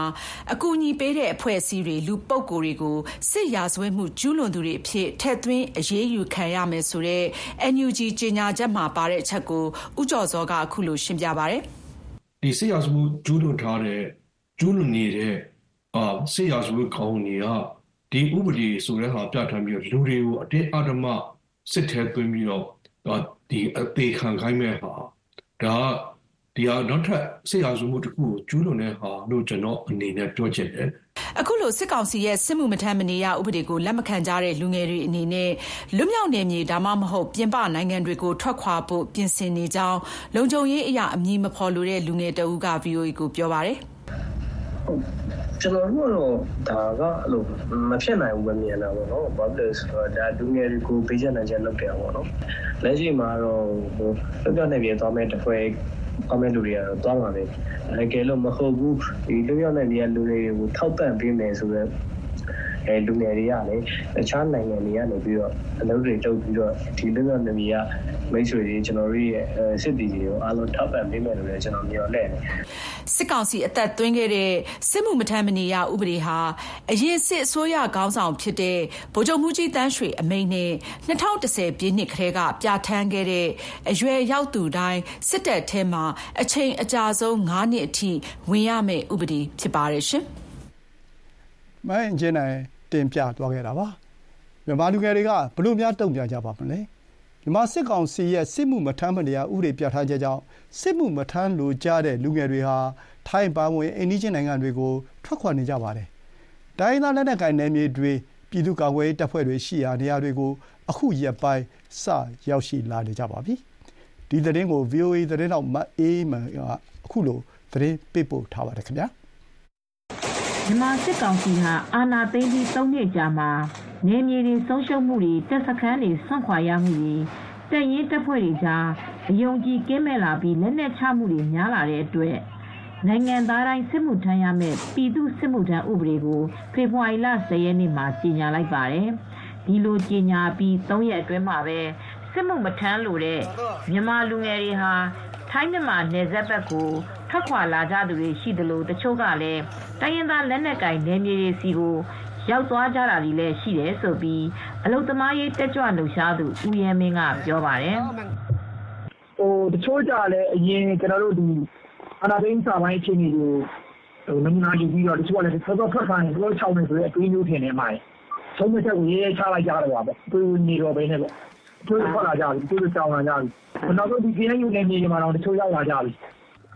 အခုလိုမျိုးစစ်ကောင်စီကိုစန့်ကျင်တိုက်ပွဲဝင်ဖို့လက်နက်ကင်နယ်မြေကိုထွက်ခွာလာသူတွေရှိတယ်လို့ထိုင်းမြန်မာနယ်စပ်တွေကနေတဆင့်ထိုင်းနိုင်ငံတဲကိုဝင်လာကြသူတွေလည်းရှိတယ်ဆိုပြီးနယ်စပ်နေပြည်သူတို့ကပြောပါတယ်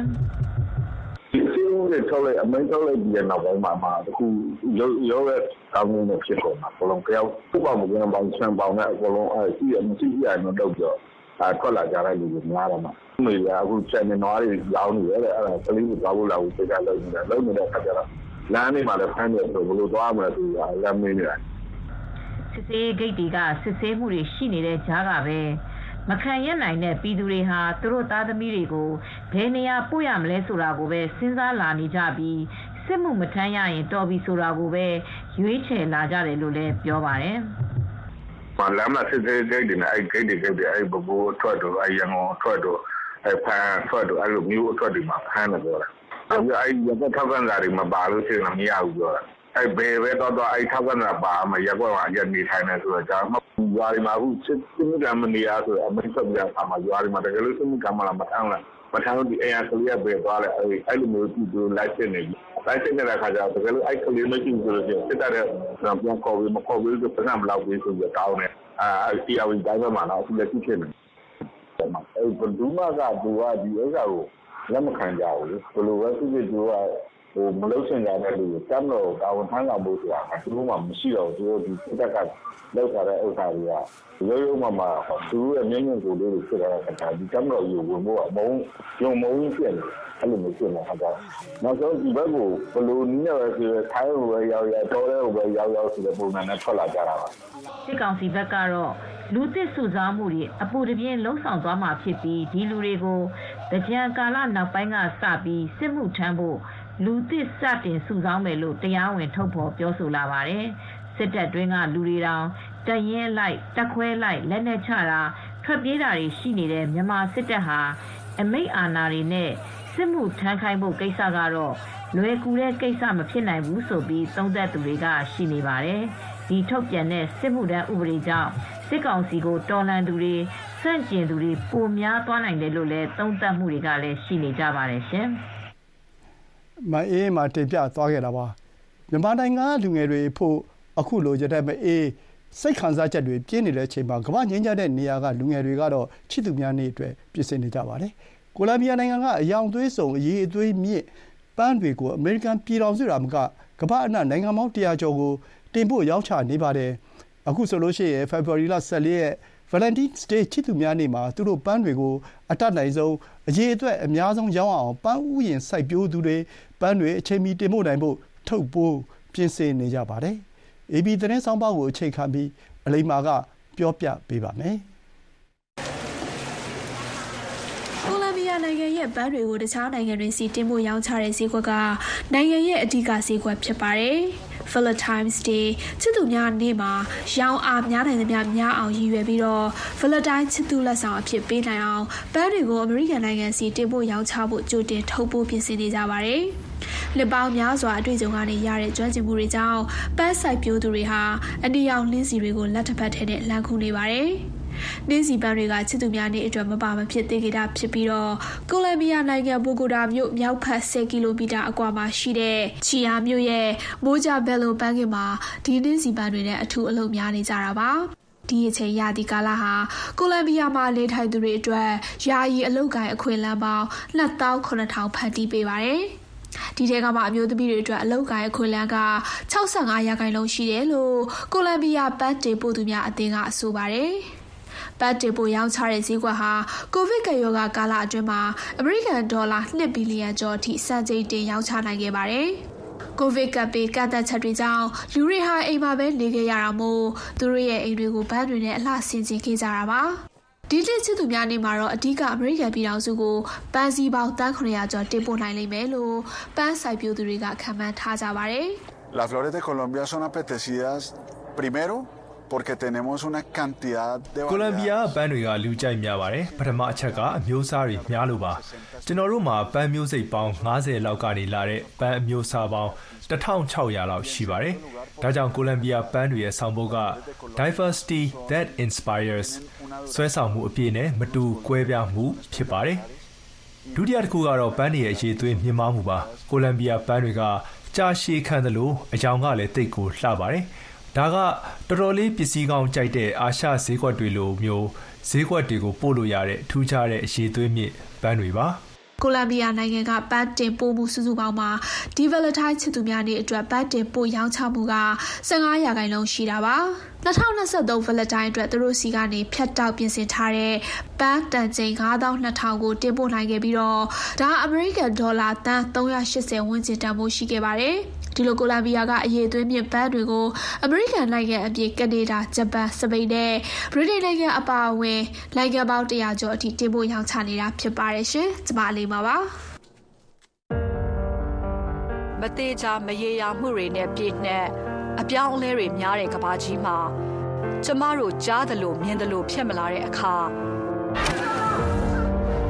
အမှန်တရားကိုရှာဖွေကြရပါတယ် တည်င်းကိုတပိုင်းတစပဲကြားသိရတဲ့အခါအယုတ်အကြီးမဲ့သွားနိုင်ပါတယ်။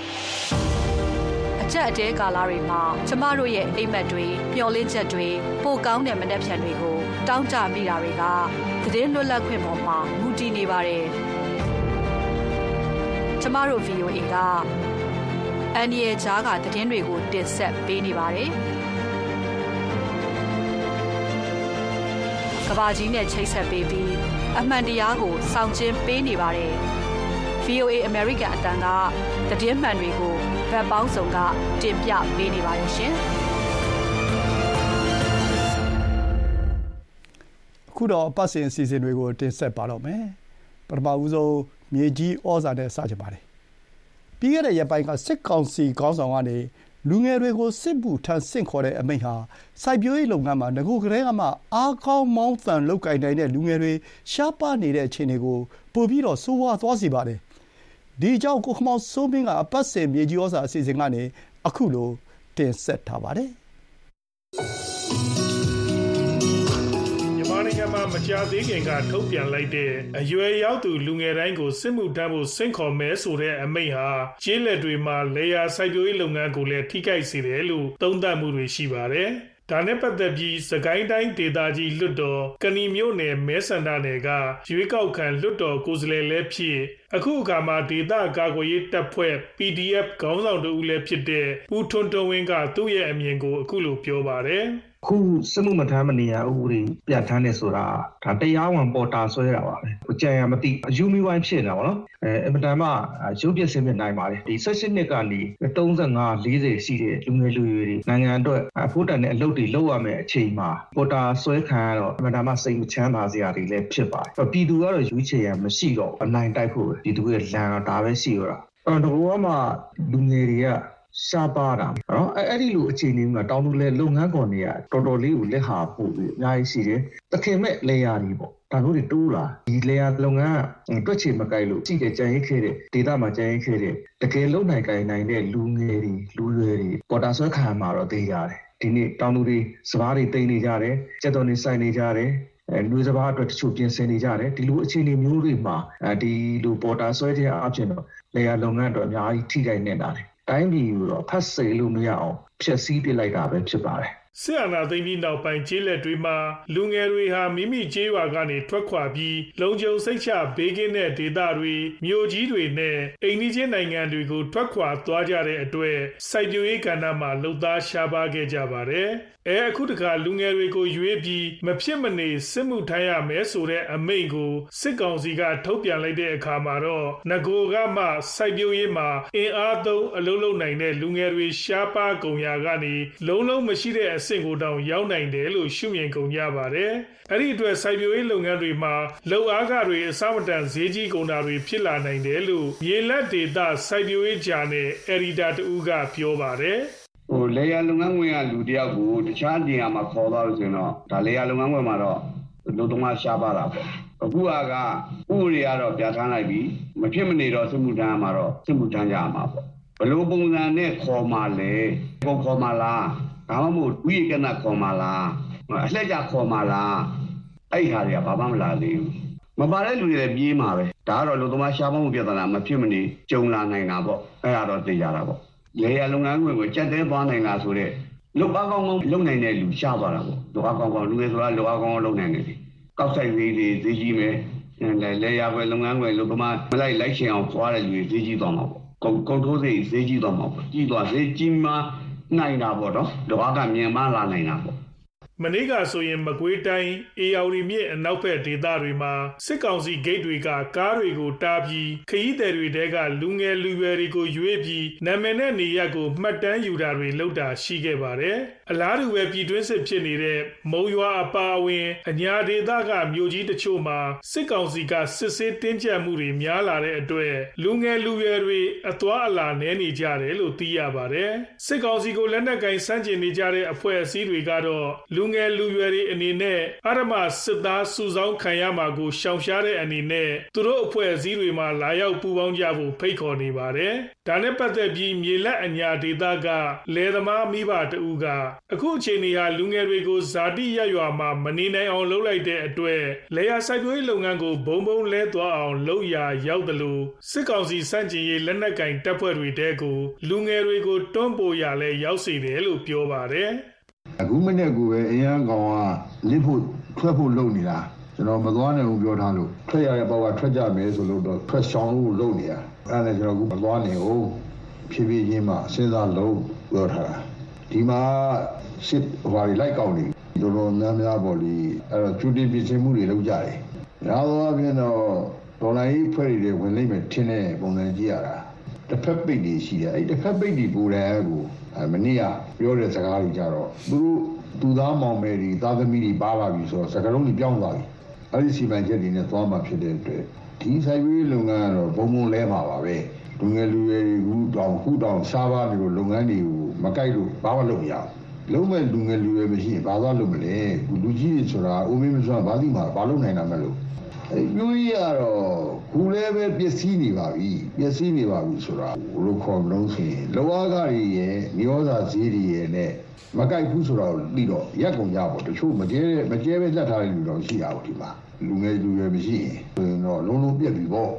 မဖြစ်မနေစစ်မှုထမ်းရမယ်ဆိုတဲ့အမိန့်ကိုဒီလဖေဖော်ဝါရီ10ရက်နေ့ကစစ်ကောင်စီခေါင်းဆောင်ဗိုလ်ချုပ်မှုကြီးမင်းအောင်လှိုင်အမိန့်နဲ့ထုတ်ပြန်ခဲ့ပါတယ်။ အဲ့ဒီစစ်မှုတန်းစင့်ခေါ်တဲ့ဥပဒေကိုစစ်အာဏာရှင်ဟောင်းဗိုလ်ချုပ်မှုကြီးတန်းရွှေက2010ခုနှစ်နိုဝင်ဘာလဆန်းကပြဋ္ဌာန်းခဲ့ပါတယ်။အဲ့ဒီဥပဒေအရအမျိုးသမီးဆိုရင်အသက်18နှစ်ကနေ28နှစ်အမျိုးသားဆိုရင်အသက်18နှစ်ကနေ35နှစ်စတဲ့လူငယ်တွေနှစ်နှစ်တိတိစစ်မှုထမ်းကြရမှာဖြစ်ပါတယ်။အဲတခါပညာရေးဆိုင်ရာကျွမ်းကျင်သူအမျိုးသမီးဆိုရင်အသက်18နှစ်ကနေ35နှစ်အမျိုးသားဆိုရင်အသက်18နှစ်ကနေ45နှစ်အဲ့ဒီလူတွေက3နှစ်တီးတီးစစ်မှုထမ်းကြရမယ်လို့ပါရှိပါတယ်ဒါပေမဲ့လည်းအရေးပေါ်အခြေအနေဆက်ဖြစ်နေရင်တော့9နှစ်တီးတီးစစ်မှုထမ်းကြရမယ်လို့လည်းပြဋ္ဌာန်းထားပါတယ်ကင်းလွတ်ခွင့်ရှိသူတွေအနေနဲ့ကတော့မတန်ဆွမ်းတဲ့ဘုံကြီးမေတီလာရင်အပါဝင်ဘာသာရေးဆိုင်ရာပုဂ္ဂိုလ်တွေအိမ်တောင်ရှင်အမျိုးသမီးတွေဖြစ်ကြပါတယ်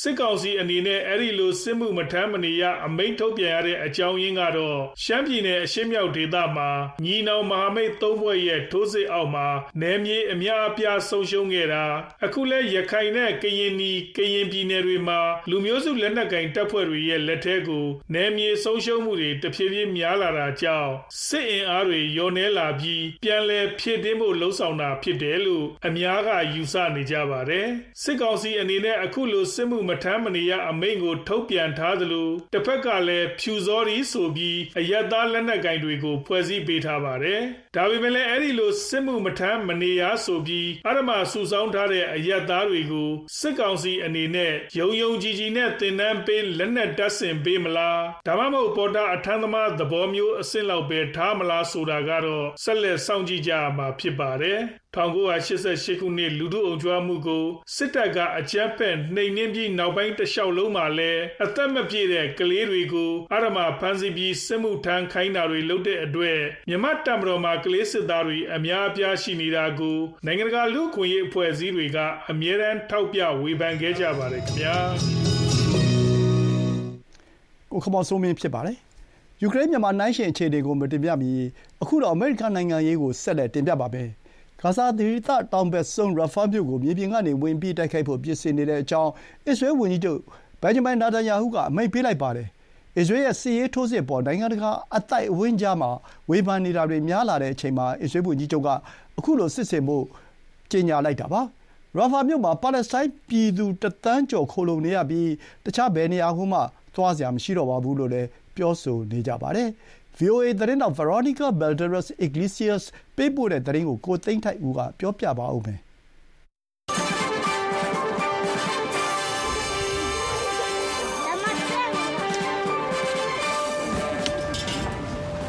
ဂါဇာဒေသ အစ္စရေးရဲ့ထိုးစစ်ကသိပ်ကိုလွန်နေပြီသိပ်ကိုများနေပြီဆိုပြီးအမေရိကန်သမ္မတဂျိုးဘိုင်ဒန်ကဝေဖန်ပြောဆိုခဲ့ပြီးရက်ပိုင်းအတွင်းမှာပဲအစ္စရေးဝန်ကြီးချုပ်ဘင်ဂျမင်နတန်ညာဦးက ရာဖာမြို့ကိုတိုက်ခိုက်မဲ့စစ်စင်ရေးအကြောင်းပြောဆိုခဲ့တာပါအစ္စရေးနိုင်ငံသား1200လောက်သေဆုံးခဲ့ပြီး240လောက်ကိုတစားကန်ဖြစ်ပြန်ပေးဆွဲခဲ့တဲ့ တပ်ဖြတ်မှုကြီးကိုမမေ့ကြဘူးကဘာဦးသတိပေးခြင်းပါလေဆိုပြီး ABC ရုပ်သံကိုပြောဆိုသွားပါတယ် We were attacked unprovoked attack murderous attack on October 7th ကျွန်တော်တို့ကတိုက်ခိုက်ခံခဲ့ရတာပါအောက်တိုဘာ9ရက်မှာတစ်ဖက်သက်တမင်ကျူးကျော်တိုက်ခိုက်တပ်ဖြတ်တာကိုခံခဲ့ရတာပါဒုတိယကမ္ဘာစစ်အတွင်းဂျူးတွေအစုလိုက်တပ်ဖြတ်ခံခဲ့ရတဲ့ဖြစ်ရပ်အပြီးမှာအဆိုးအဆုံးတိုက်ခိုက်မှုပါသူတို့တိုက်ခိုက်ပြီးတဲ့အချိန်ကျွန်တော်တို့ဘက်ကတုံ့ပြန်တဲ့နေရာမှာအကြမ်းဖက်သမားတွေရောနေပြီး လူသားတိုင်းအဖြစ်အသုံးချနေတဲ့အရက်သားတွေနဲသွားအောင်အတက်နိုင်ဆုံးလုပ်ခဲ့တယ်ဆိုတာကိုပြောချင်ပါတယ်ဂါဇာဒေသဟာမတ်စ်အဖွဲ့ကျမ်းမာရေးဝန်ကြီးဌာနကတော့အမျိုးသမီးနဲ့ကလေးငယ်တွေပါဝင်ပါလက်စတိုင်းပြည်သူ2800လောက်အစ္စရေးဘက်ကတုံ့ပြန်တဲ့ထိုးစစ်အတွင်းမှာအသက်ခံခဲ့ရတယ်လို့ပြောပါတယ်ဒီကိန်းဂရန်တွေကမဟုတ်မမှန်ဘူးဆိုပြီးဝန်ကြီးချုပ်နတညာဟူးကပြန်လည်ညှင်းဆိုပါတယ်။ သူ့အနေနဲ့ရက်သားတွေမထိခိုက်အောင်စီစဉ်နေချမှတ်ထားပြီးအစ္စရေးစစ်တပ်ကရာဖာမြို့မြေပြင်ထိုးစစ်စတင်တော့မယ့်အကြောင်းပြောဆိုခဲ့တာပါဂါဇာမှာဥပဒေမဲ့ထွက်ပြေးနေတဲ့ပါလက်စတိုင်းပြည်သူတသန်း၄သိန်းလောက်နေကြမှာခိုလုံနေကြပါတယ် UK အီဂျစ်နဲ့ဆော်ဒီအာရေဗျနိုင်ငံတွေကတော့ ရာဖာမြို့ကို ထိုးစစ်ဆင်မှာနဲ့ပတ်သက်လို့ စိုးရိမ်တဲ့အကြောင်း ပြောဆိုနေပါတယ် Those who say that under no circumstances should we enter ရာဖာဒေသကို ကျွန်တော်တို့ဘလို့အခြေအနေမျိုးမှာပဲဖြစ်ဖြစ် မဝင်သင့်ဘူးလို့ ပြောနေတဲ့သူတွေဟာ အခြေခံအဖြစ်စစ်ကို အရှုံးပေးလိုက်တာပါ အောက်တိုဘာ9ရက်တပ်ဖြတ်မှုမျိုး အကြိမ်ကြိမ်ကျူးလွန်ဖို့ကြိပေးနေတဲ့ ဟာမတ်စ်တွေကို အဲ့ဒီမှာ ဆက်နေခွင့်ပေးလိုက်တာပါ ရာဖာမြို့ ယာယီတဲတွေရောက် ခိုလုံနေတဲ့ မိသားစုတွေကတော့ သူတို့မှသွားစရာနေရာမရှိတော့ဘူးလို့ပြောနေကြတာပါဒီထက်ပိုပြီးနေစရာမရှိစွန့်ခွာထွက်ပြေးရမယ်ဆိုရင် ကျမတို့ထပ်ပြီးတော့မပြောင်းရွှေ့နိုင်တော့ပါဘူးတစ်ဖက်ကအီဂျစ်နယ်ကြားတစ်ဖက်ကရာဖာရှေ့ဘက်ထပ်ပြီးပြောင်းရွှေ့သွားလာလို့မရတော့ပါဘူးဒီတော့တွင်အစ္စရေးနိုင်ငံတယ်လ်အဗီမြို့မှာလည်းဟာမတ်စ်လက်ထက်ကျန်နေတဲ့ဒဇာကန်တွေလွတ်မြောက်ရေးကြိုးပမ်းပေးဖို့အစိုးရကိုတောင်းဆိုတဲ့ဆန္ဒပြပွဲတွေကျင်းပနေပါတယ်။ အဲရလုံးဝေးပြေးလမ်းမကြီးကိုပိတ်ပြီးစနေနေ့ကဆန္ဒပြပွဲတွေပေါ်ပေါက်ခဲ့တာပါဒီနေ့ကျမတို့ဒီနေရာကိုရောက်လာတာဟာအခြေအနေကိုတိတ်ကိုစိတ်ပြက်နေပြီဆိုတာကိုပြောပြဖို့ပါပြည်သူတွေကကျမတို့နဲ့အတူရှိနေတယ်ဆိုတာသိပါတယ်ဒါပေမဲ့အစိုးရကကျမတို့နဲ့အတူရှိမနေပါဘူးဒီအချိန်ဟာတစ်ခုခုလုပ်ရမယ့်အချိန်ပါဟာမတ်စ်တီဖန်စီထားတဲ့ကြံနေတဲ့ဒဇာကန်အကြမ်းမြင့်132ယောက်လောက်ထဲမှာဘယ်နှစ်ယောက်လောက်အသက်ရှင်ကြံမယ်လို့ခံမှန်းမှသလဲဆိုပြီး နတညာဦးကို ABC ရုပ်သံကမေးပါတယ်။ I think uh, ကျွန်တော်တို့စူးစမ်းနေတာကဒါကိုသိနိုင်အောင်ဒီတစားကန်တွေပြန်ရတာသေချာဖို့ပါရှင်နေတဲ့သူတွေအသက်ရှင်လျက်ပြန်ရဖို့နဲ့ပွင့်ပွင့်လင်းလင်းပြောရရင်သေသွားတဲ့အလောင်းတွေပြန်ရဖို့ကျွန်တော်တို့ဘက်ကအတက်နိုင်ဆုံးစူးစမ်းနေတာပါအစ္စရေးဝန်ကြီးချုပ်ဘင်ဂျမင်နာတာညာဦးကတော့ဟာမတ်စစ်သွေးကြအဖွဲ့ကိုစီရေးအရာဖိအားပေးနိုင်ခဲ့တဲ့အတွက်မကြခင်တုန်းကတစားကန်130ပြန်လည်လွတ်မြောက်ခဲ့တာလို့ပြောဆိုပါတယ်။ အောင်ပွဲကလက်တကမ်းပဲလူတော့တယ်ဆိုပြီးတော့လေ ABC ရုပ်သံနဲ့တွေ့ဆုံမေးမြန်းခန်းမှာအခိုင်အမာပြောဆိုသွားကြောင်းပါခင်ဗျာ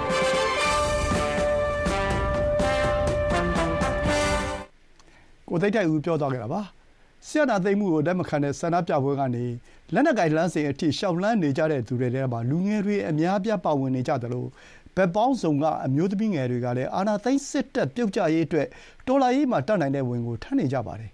ဒီနွေဦးတော်လှန်ရေးထဲမှာ အမျိုးသမီးတွေရဲ့အခန်းကဏ္ဍ ဘယ်လောက် အရေးကြီးလဲဆိုတာကို ယူကရိန်း-မြန်မာ နှိုင်းယှဉ်ချက် အစီအစဉ်ကနေ ဟောင်ဆာက ခုလို တင်ဆက်ထားပါတယ်။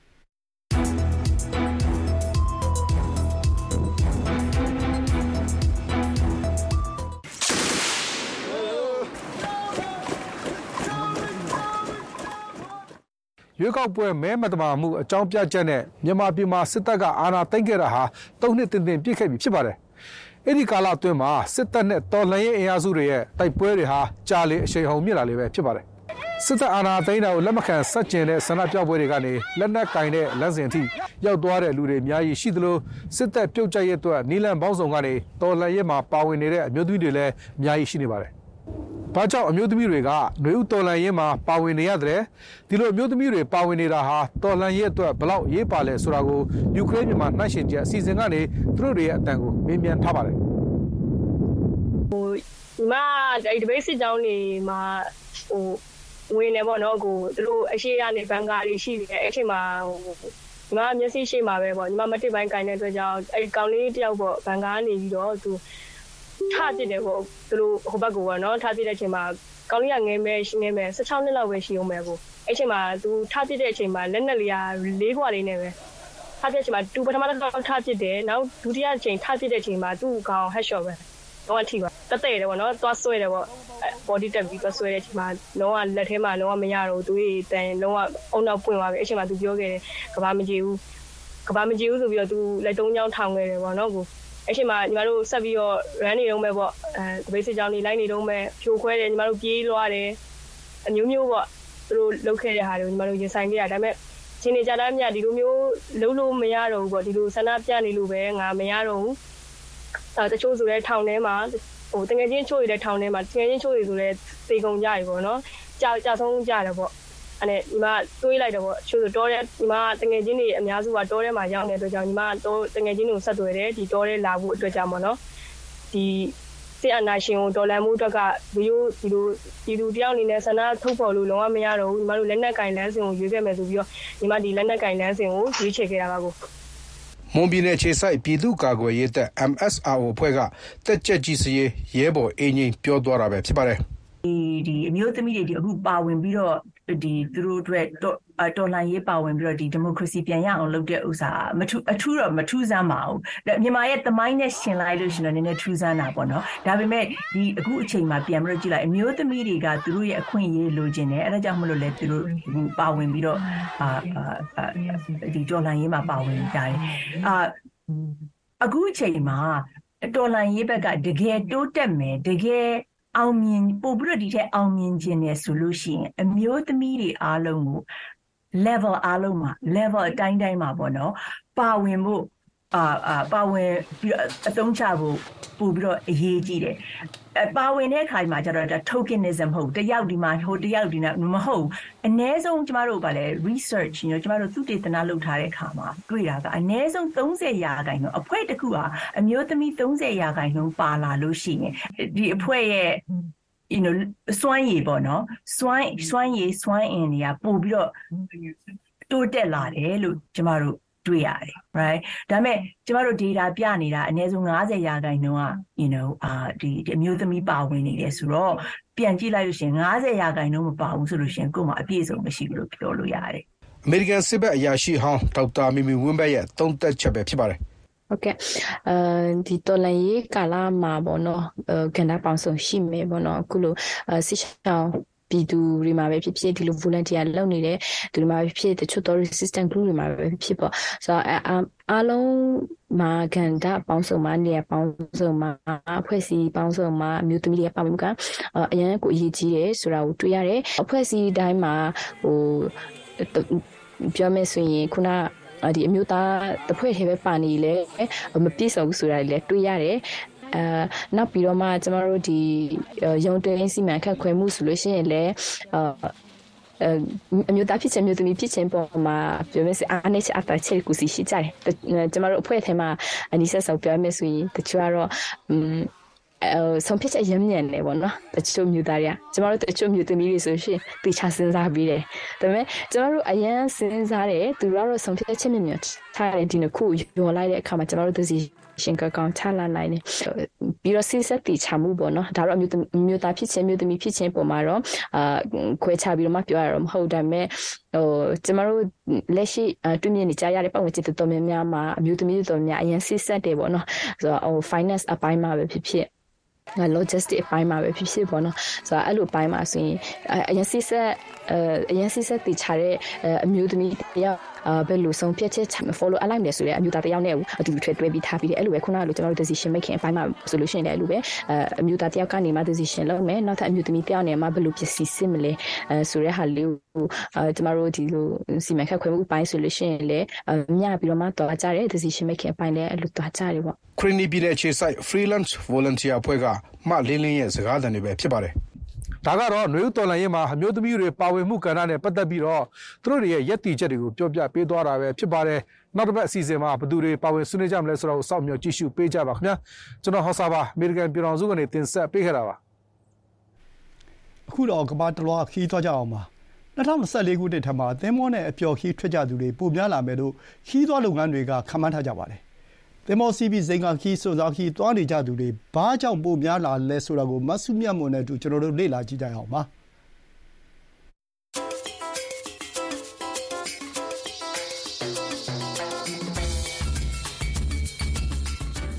ကမ္ဘာပေါ်မှာ အကြီးဆုံး ဇိမ်ခံသင်္ဘောကြီးဖြစ်တဲ့ Icon of the Seas ဆိုတဲ့ ဇိမ်ခံသင်္ဘောကြီး2024 January လ29ရက်နေ့တုန်းက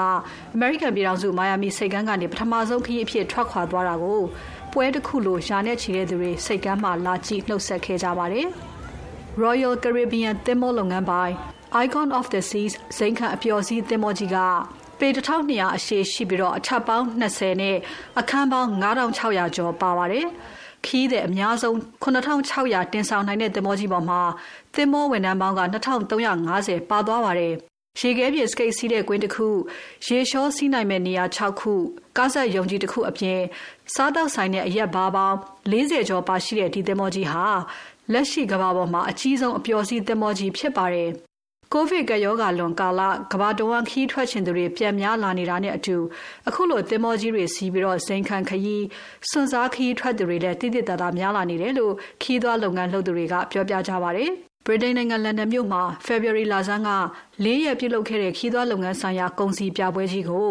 စိတ်ဝင်စားလို့ လာကြသူပေါင်းက၄တောင်းခွဲကျော်ရှိတယ်လို့ ပွဲစီစဉ်သူတွေက ပြောပါတယ်။ကဘာတဝမ်းက နေရာစုံကိုခီးသွွားနိုင်အောင် စီစဉ်ပေးတဲ့ခီးသွွားလုပ်ငန်းတွေခီးထွက်ဖို့ စိတ်ဝင်စားသူတွေနဲ့ အတော်လေးစီကားခဲ့တဲ့ ပြပွဲကြီးတစ်ခုဖြစ်ခဲ့ပါတယ်။ အပန်းဖြေသင်္ဘောကြီးတွေစီးပြီးခီးထွက်ချင်သူတွေအထူးများလာတာတွေ့ရတယ်လို့ The Times သတင်းစာကြီးရဲ့ခီးသွားကဏ္ဍဆိုင်ရာအကြီးအကဲကပြောပြပါတယ်။ What we've seen since the pandemic is the most incredible renaissance for the industry. ကိုဗစ်ကပ်ရောဂါကြီးပြီးသွားတဲ့နောက်ပိုင်းအပျော်စီးသင်္ဘောခရီးသွားလုပ်ငန်းတွေအတွက်တိတ်အားရစရာကောင်းလောက်အောင်ပြန်ခေတ်စားလာတာတွေ့ရပါတယ်။ သင်္ဘောစီခရီးထွက်ချင်နေကြသူတွေတင်မဟုတ်ပဲခရီးထွက်ဖို့ဘိုကင်လောက်ကြသူတွေပါတိတိတတ်တာများလာတာတွေ့ရပါတယ်။နောက်ဆယ်နှစ်အတွင်းအသစ်ပြေးဆွဲကြမဲ့သင်္ဘောတွေတန်းစီနေတယ်လို့အဲ့ဒီသင်္ဘောကြီးတွေနဲ့ခရီးထွက်ဖို့ဘိုကင်တွေပါပြည့်နေပါပြီ။အပျော်စီးသင်းဘောလုပ်ငန်းတွေကလည်း2025နဲ့2026အတွက် booking တွေစယူနေကြပါပြီ။အခုလိုတင်မောကြီးတွေနဲ့ခီးထွက်ကြသူတွေများလာတဲ့အထက်မှာအပန်းဖြေနေရာမျိုးတွေသွားကြတာတွေမဟုတ်ဘဲ လူသွားနေတဲ့နေရာမျိုးဆွန့်ဆွန့်ဆာဆာသွားကြသူတွေလည်းပိုများလာနေတယ်လို့အဲ့ဒီခီးစဉ်မျိုးတွေကိုစီစဉ်ပေးနေတဲ့လုပ်ငန်းတွေကပြောပါတယ်။ကမ္ဘာတောင်ဝင်ရိုးစွန်းမှာရှိတဲ့အန်တာတိကတိုက်ထဲကသဘာဝအလှတွေကိုခန်းစားနိုင်မဲ့ခရီးမျိုးကရေပန်းအစားဆုံးဖြစ်နေတယ်လို့နော်ဝေးနိုင်ငံကအပျော်စီးသင်္ဘောခီးလုပ်ငန်းကပြောပြပါတယ်။ What's been really, really exciting since the pandemic is that more and more people want that trip of a lifetime. ကယောဂလွန်ကာလမှာစိတ်ဝင်စားဖို့ကောင်းတာကတသက်တစ်ခါခရီးမျိုးသွားကျင်ကြသူတွေဒီနေရာကိုတော့မရောက်ရအောင်သွားမယ်လို့စည်ရင်လှုပ်ထားသူမျိုးတွေခရီးထွက်နေကြတာပိုပြီးတော့များလာပါတယ်။အဲဒါကြောင့်အန်တာတိကတိုက်သွားတာမျိုးမိတောင်ကျွန်းစုတွေစီသွားတာမျိုးတွေပိုပြီးတော့ခက်စားလာပါတယ်။တနေ့နဲ့နေ့လောက်ခရီးထွက်လို့မရနိုင်တဲ့အခြေအနေကြုံခဲ့ကြတော့ထူးထူးခြားခြားစွန်းစွန်းစားစားနေရာတွေကိုပဲ အခုပဲမရောက်ရောက်အောင်သွားမယ်ဆိုတဲ့သူတွေတကယ်ကိုများလာပါတယ်အရင်တုန်းကနော်ဝေနိုင်ငံတော်ဝိုင်းအပျော်စီးခီးစဉ်တွေစီစဉ်ပေးတဲ့သူတို့ကုမ္ပဏီကအခုဆိုရင်အန်တာတိကတိုက်ကိုခီးထွက်ချင်သူတွေအတွက်သင်္ဘောလေးစီးနဲ့ခီးစဉ်တွေပို့ဆောင်ပေးနေရပါတယ်။အပျော်စီးသင်္ဘောခီးထွက်သူတွေတိတိတတ်တာများလာနေပေမဲ့အေယာမဇိန်ခံသင်္ဘောကြီးတွေနဲ့ခရီးထွက်တာထက်ပိုသေးတဲ့သင်္ဘောတွေနဲ့ဆွန်စားသွားရတဲ့ခရီးမျိုးသွားကျင်သူတွေပိုများလာတယ်လို့ Destinations ဆိုတဲ့ခီးသွားအစီအစဉ်တင်ဆက်သူ Rob Debenham ကလေ့လာတွေ့ရှိထားပါတယ်။ I think people have a preconceived idea of what going on a cruise is like အပျော်စီးသင်းမောနဲ့ခီးထွက်ရင်ဘလို့ဖြစ်မလဲဆိုတဲ့အမြင်တွေလူတွေမှာရှိထားပြီးသားလို့ထင်ပါတယ်တချို့ကဇိမ်ခံသင်းမောကြီးတွေနဲ့ခီးသွားကြကြသလိုတချို့ကတမူထူးတဲ့အတွေ့အကြုံမျိုးလိုချင်ကြပါတယ် ပိုသေးတဲ့တင်မော်ရီစီးပြီးစွန်စားတဲ့ခီးမျိုးသွားကြသူတွေကတော့တော်တော်များလာပါတယ်။မြောင်းဝရိုးစုပ်ဘက်သွားပြီးအုတ်တရအလင်းတွေကြီးကျင်တဲ့ဆိုလဲကြီးသွားလုပ်ငန်းတွေကစီစဉ်ပေးပါတယ်။အမေဆုံးတစ်တော်ကြီးတဲ့ကိုအပျော်စီးတင်မော်နဲ့ခီးထွက်ခြင်းနဲ့ဆိုရင်လဲလိုက်ပို့ပေးတဲ့တင်မော်တွေရှိပါတယ်။ ခရီးသည်ထောင်ချီပါတဲ့သင်္ဘောကြီးမျိုးတွေဆိုရင်သွာလာကန့်ကတ်နိုင်တဲ့ကန့်သက်ချက်တွေရှိပေမဲ့ခရီးသည်450လောက်သာပါတဲ့အပျော်စီးသင်္ဘောမျိုးတွေကသွားနိုင်တဲ့နေရာပိုများတာမို့အမေဇုံတစ်တော်ကြီးလိုနေရာမျိုးအထိသွားလာနိုင်ပါတယ်။ကိုဗစ်ကရောဂါဖြစ်နေချိန်တုန်းကခီးသွားကန့်သက်ချက်တွေ lockdown ကန့်သက်ချက်တွေကြောင့်ခီးမထွက်နိုင်ကြတဲ့အခြေအနေကြုံခဲ့ကြရတာပါ။ဒါကြောင့်အားလုံးပြန်ပွင့်သွားချိန်မှာ ဘရာဇီးကအမေဇုံတစ်တော်လိုဆွန့်ဆွန့်ဆာဆာခီးကိုမှသွားရှင်တဲ့သူ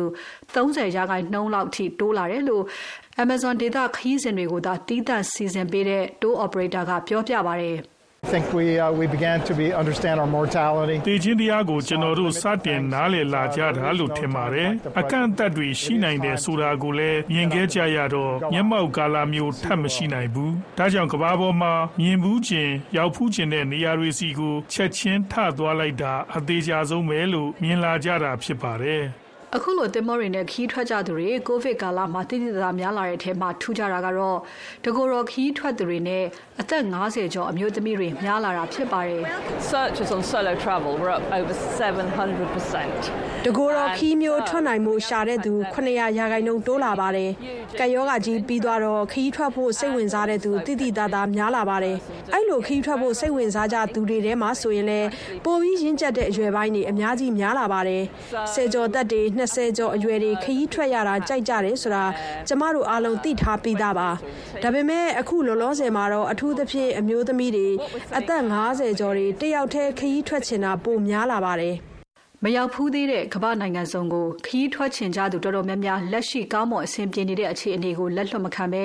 ခရီးထွက်နေကြတာကြောင့်ကမ္ဘာလက်ခရီးသည်တွေများလာနေတာဖြစ်ပါတယ်။ Icon of the Seas လို့အပျော်စီးစိန်ခံသင်္ဘောကြီးတွေကလည်းလူကြီးလူငယ်မရွေးသင်္ဘောစီးခီးထွက်သူတွေအတွက်လိုလေသေးမရှိအောင်စီစဉ်ဆွဲဆောင်နေကြပါတယ်။တစ်ချိန်တည်းမှာပဲတဘာဝပတ်ဝန်းကျင်ကိုမထိခိုက်စေတဲ့တာဝန်သိခီးစဉ်မျိုးတွေတကူရောစွန့်စားသွားနိုင်တဲ့ခီးတွေကိုလည်းခီးသွားလုပ်ငန်းတွေကအပြိုင်စီစဉ်ပေးနေကြပါတယ်ရှင်။ကျွန်မဆုမြတ်မော်ပါဒီကနေ့အတွက်အပတ်စီအစီအစဉ်တွေကတော့ဒီလောက်ပါပဲခုတော့သတင်းကြီးချုပ်ကိုပြောပြပါဦးမယ်။